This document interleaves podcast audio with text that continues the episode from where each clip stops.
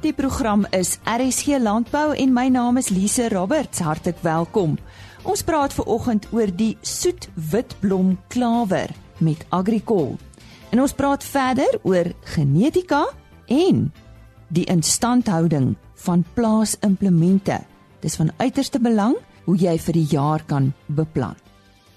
Onthou indien enige van die inligting wat ons ver oggend verskaf nie kon neerskryf of graag weer na enigiets wil luister, besoek gerus www.rsg.co.za vir die potgooi van die program. Soek net onder potgooi vir RSG landbou. Ek gesels vanoggend eerstens met Henk Crawford. Hy is verkoopsbestuurder by Agricol vir die Noordwes en Wes Vrystaat. Sy onderwerp van bespreking is die soet witblomklawer. Hy verduidelik eers presies wat dit is. Goeiemôre Lisa. Ja, die soet witblomklawer is 'n gewas wat nie baie bekend is aan die boere nie. Dit is 'n somerpeelgewas wat uh, sy naam afgelei is van die Engelse afleiding white sweet clover en dit is dan ook 'n eenjarige somerpeelgewas wat ons eintlik ook beskryf as swak meerjarig omdat dit die potensiaal het om baie saad te stort en dan so weer in die komende seisoen homself in te saai. Maar ons verkoop dit en bemaak dit as 'n eenjarige somerpeel gewas.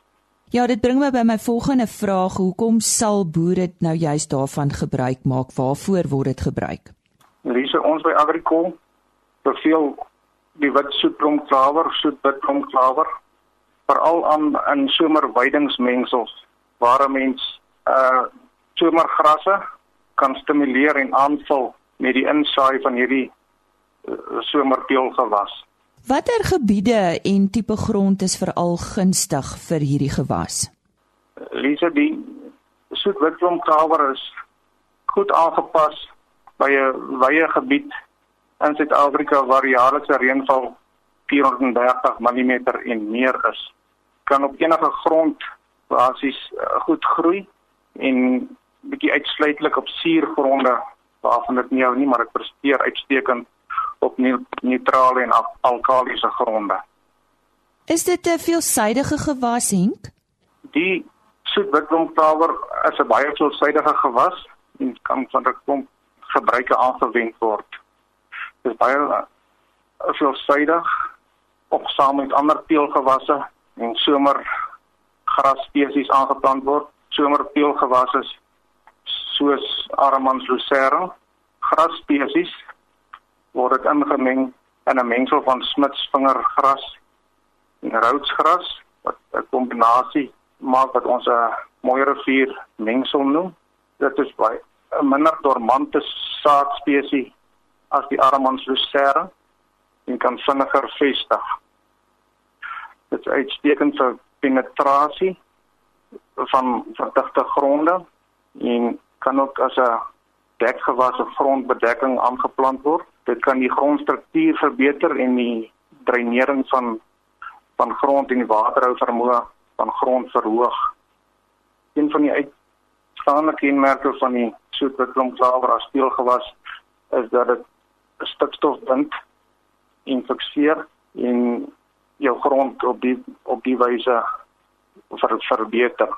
Dit ook 'n hoë biomassa produksie. Ehm die soetwitblomklawer het baie soet bloeiwyse blommetjies en dit lok dan wespers wat daarop dit vir kos gebruik en dit kan die wespers kan help om insekte biologies te beheer. Die soetwitblomklawer sy soet blommetjies is ook baie goed vir die ehm um, lok van bye wat dit dan as nektar gebruik. So baie boere kan ook daarvan gebruik maak.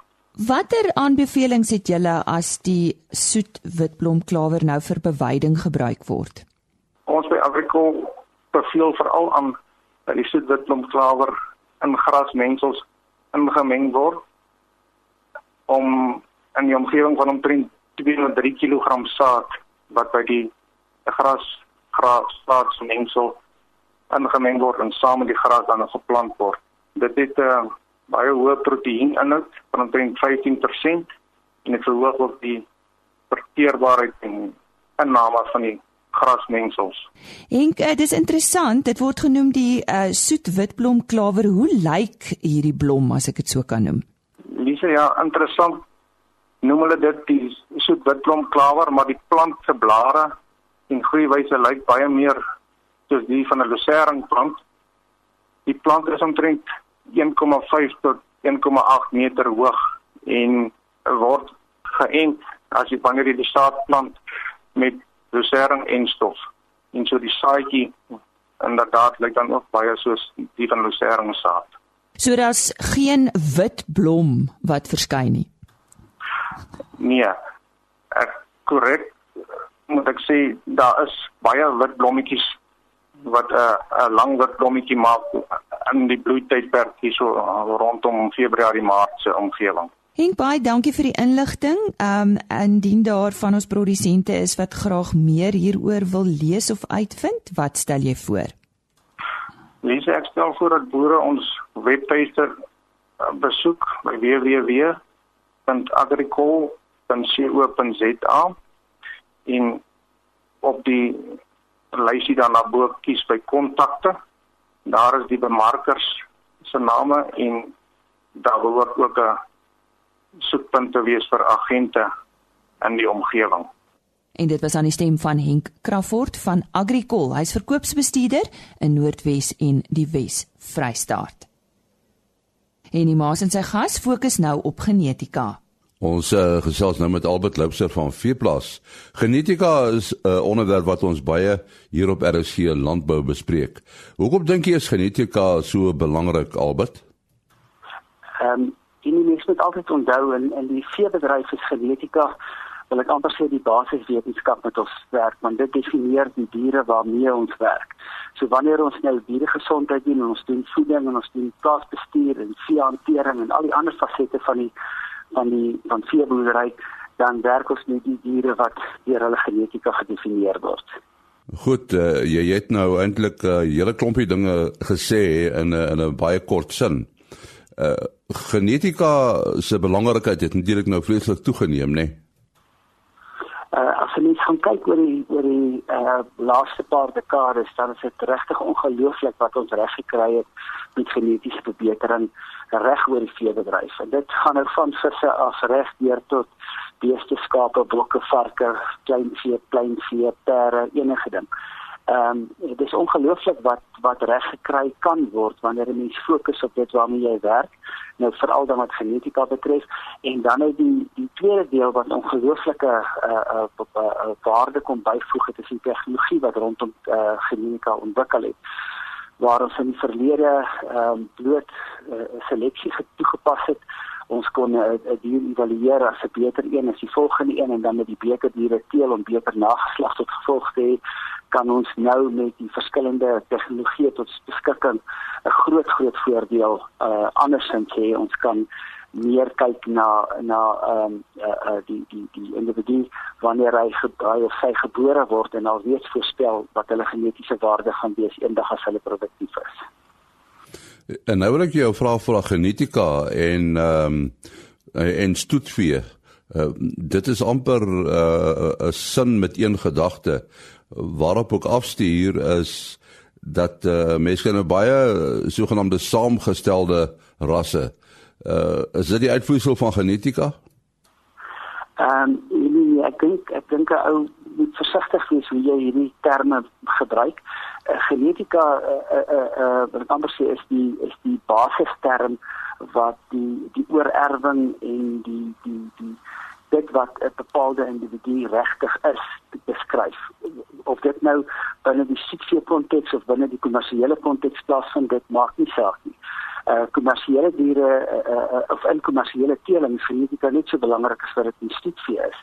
Ehm um, uh, in stoetvee jy jy miskien net anders teel doelwitte en baie spesifieke uh uh genetiese waardering vir dit wat jy wat jy mee werk, maar dit maak op geen manier uh kommersieel minder dit minder belangrik nie. Wanneer ons praat van die sogenaamde saamgestelde rasse of die in Engels praat van composite breed, ehm um, dan is dit nie eh eh uh, eh uh, uh, uh, moet dan nie sê dis 'n voorsetting van genetika nie, maar dit is omdat ons genetika vandag so goed verstaan dat ons op daai terrein dit kan waag. Ehm um, ek dink nie die twee noodwendig direk met mekaar te doen nie, maar dit die een lei of maak die ander waarskynlik dan moontlik. Jy het gepraat van die tegnologie. Mense kan altyd die vraag vra waar gaan dit alles ophou? Want uh, as jy nou 'n sekere tegnologie bereik, is daar 'n sekere sekere grens wat bereik word, nê? Nee? Ehm um, ek dink dit daar's 'n groter aktuele vraag op die oomblik as presies dit nie.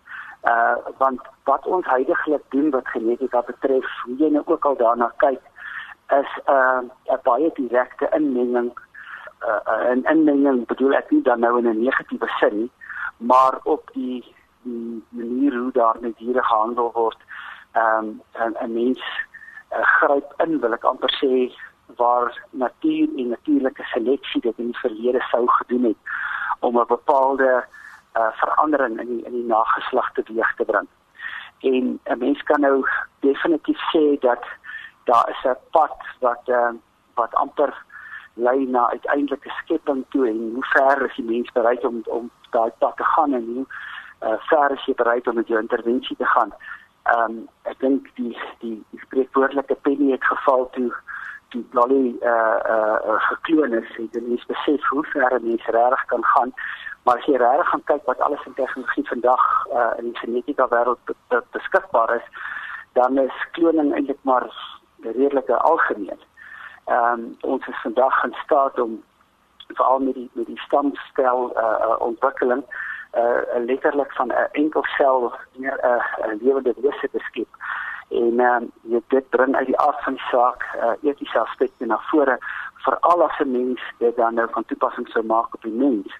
Want 'n mens moet nou ook in dieselfde af onthou dat daar niks in terme van vee genetika ehm uh, meer gehandel word wat wat anders is regtig as wanneer jy dit met mense sou doen. Uh mense en diere uh uh uh deel uh, die beginsels van genetika 100% en as iets moontlik is om met 'n die dier te doen, dan sou dit verseker moontlik wees om met 'n mens ook te doen. Al wat tussen jou en daardie besluit sal staan is die etiese aspek daarvan. En dit is uit inderdaad 'n oop vraag en 'n vraag wat ek dink nog nie regtig die debat uitlok wat hy verdien oor hoe ver die mens bereid gaan wees om betrokke te raak op daardie veld. En die maas vandag gesels het met Albert Loupsher van Veeplaas. Een van die grootste foute wat op 'n plaas kan voorkom is om die instandhoudingswerk op plaasimplemente en toerusting te laat agterraak. Ek gesels met Koos Leroux, hy is 'n bekende landbou-ingenieur en die skrywer van 'n boek, Mekanisasie gids. Nou hy sê boerdery het so dier geraak dat mens die maksimum werk uit elke stukkie toerusting op die plaas moet haal. Nou koes dit is baie duur soos ons weet. Hoe kan ek reg beplan en reg koop? Watter faktore moet in gedagte gehou word? Uh Lise dit uh kan ek eintlik dan so begin dat uh aan alle jare wat ek nou met die boerdery te doen het, het ek altyd gesê dat 'n mekanisasie beplanning is eintlik die hart van die meganiseringsproses. Met ander woorde, dit is waar jy 'n uh, samestelling van mekanisasie goedere, dit is so so strekkers en implemente so bymekaar sit dat dit 'n uh, uh, vir 'n spesifieke boerdery ten doel het, sodat al die mekanisasie take betyds en daai betyds wil ek onderstreep doeltreffend en so ekonomies as moontlik uitgevoer word. Nou veral ten opsigte van die tydige afhandeling. Dit is een van die faktore wat baie belangrik is. Eh as jy mens nou begin plant en dit dit is nou juist planttyd, dan is daar tog sekere eh, tye van die plantseisoen wat beter eh uh, opbrengs te lewer as ander. So mense moet in elk geval so beplan dat jy genoeg planters het daarvoor om betyds af te handel. Dan natuurlik die korrekte aanbieding van trekkers en implemente. Uh, maak seker dat jy presies weet hoe om die goed te gebruik om die hoogste doeltreffendheid van daai implemente en trekkers te kry. Dan natuurlik ook die korrekte trekker en implement kombinasies dat dit goed by mekaar pas. Dat jy nie te groot trekker by te klein implement sit nie. So dat daardie kombinasie moet reg wees. En dan moet mens dan 'n idee hê van wat is die koste? Wat kos dit om te plant? Wat kos dit om te stroop? Sodat ek dan ten minste 'n goeie begroting opstel. Om dit te kan doen, uh, lees is natuurlik dat jy 'n volledige ontleding van alle meganisasietake op die verskillende boerdery vertakkings wat plaasvind moet ontleed sodat jy die beplanning kan doen. As ek nou my boerderybegroting vir die nuwe jaar opstel, hoeveel moet ek nou op sy sit vir instandhoudingswerk? Hoe kan ek dit uitwerk? Nou, dit is natuurlik 'n eintlik 'n baie moeilike vraag. Maar eh, ek wil weer sê dat uh, as jy kyk na die totale produksiekoste en ons kom ons praat oor families om dit juist nou geplan word, dan uh, was my uh, voorstel altyd dat dit so tussen 15 en 20% van die totale uh, produksiekoste per hektaar moet beloop. Uh, en nie meer as dit nie. Sodra dit meer is, dit dan moet mens maar gaan kyk waar dit fout is. Nou weer eens daai 15 tot 20% dit is maar 'n uh, riglyn en uh, 'n mens moet maar begin uh, uh, versigtig daar wees om dit sommer net so toe toe te pas vir maar kyk wat daar wat is die omstandighede daarvan. Koos, wat is die voordele van instandhouding? Ja, jy weet uh, kom ek sommer so van 'n plaaslike ding sê. Uh as ek nou my kar wil gaan inruil. Uh en ek kom daar by die garage en net 'n paar duike in en so dan wil jy ou vir my eintlik nie uh, regtig iets sê. Hy kyk wel aan sy boekie wat is die inhoudprys. Daai wil hom eintlik minder gee as wat hulle voorstel in die boekie. En dit is een van die groot voordele dat wanneer 'n mens uh, ding oppas, betyds onderhou, betyds uh die instandhoudingsprogram volg, dan uh, kan jy natuurlik 'n hoër inbreiprys verwag. Maar nie net dit nie. Uh, mens moet dan natuurlik ook uh, kan seker wees dat jy verminderde breuke op die plaas kry. Weer terug toe kom na die na die planttyd toe.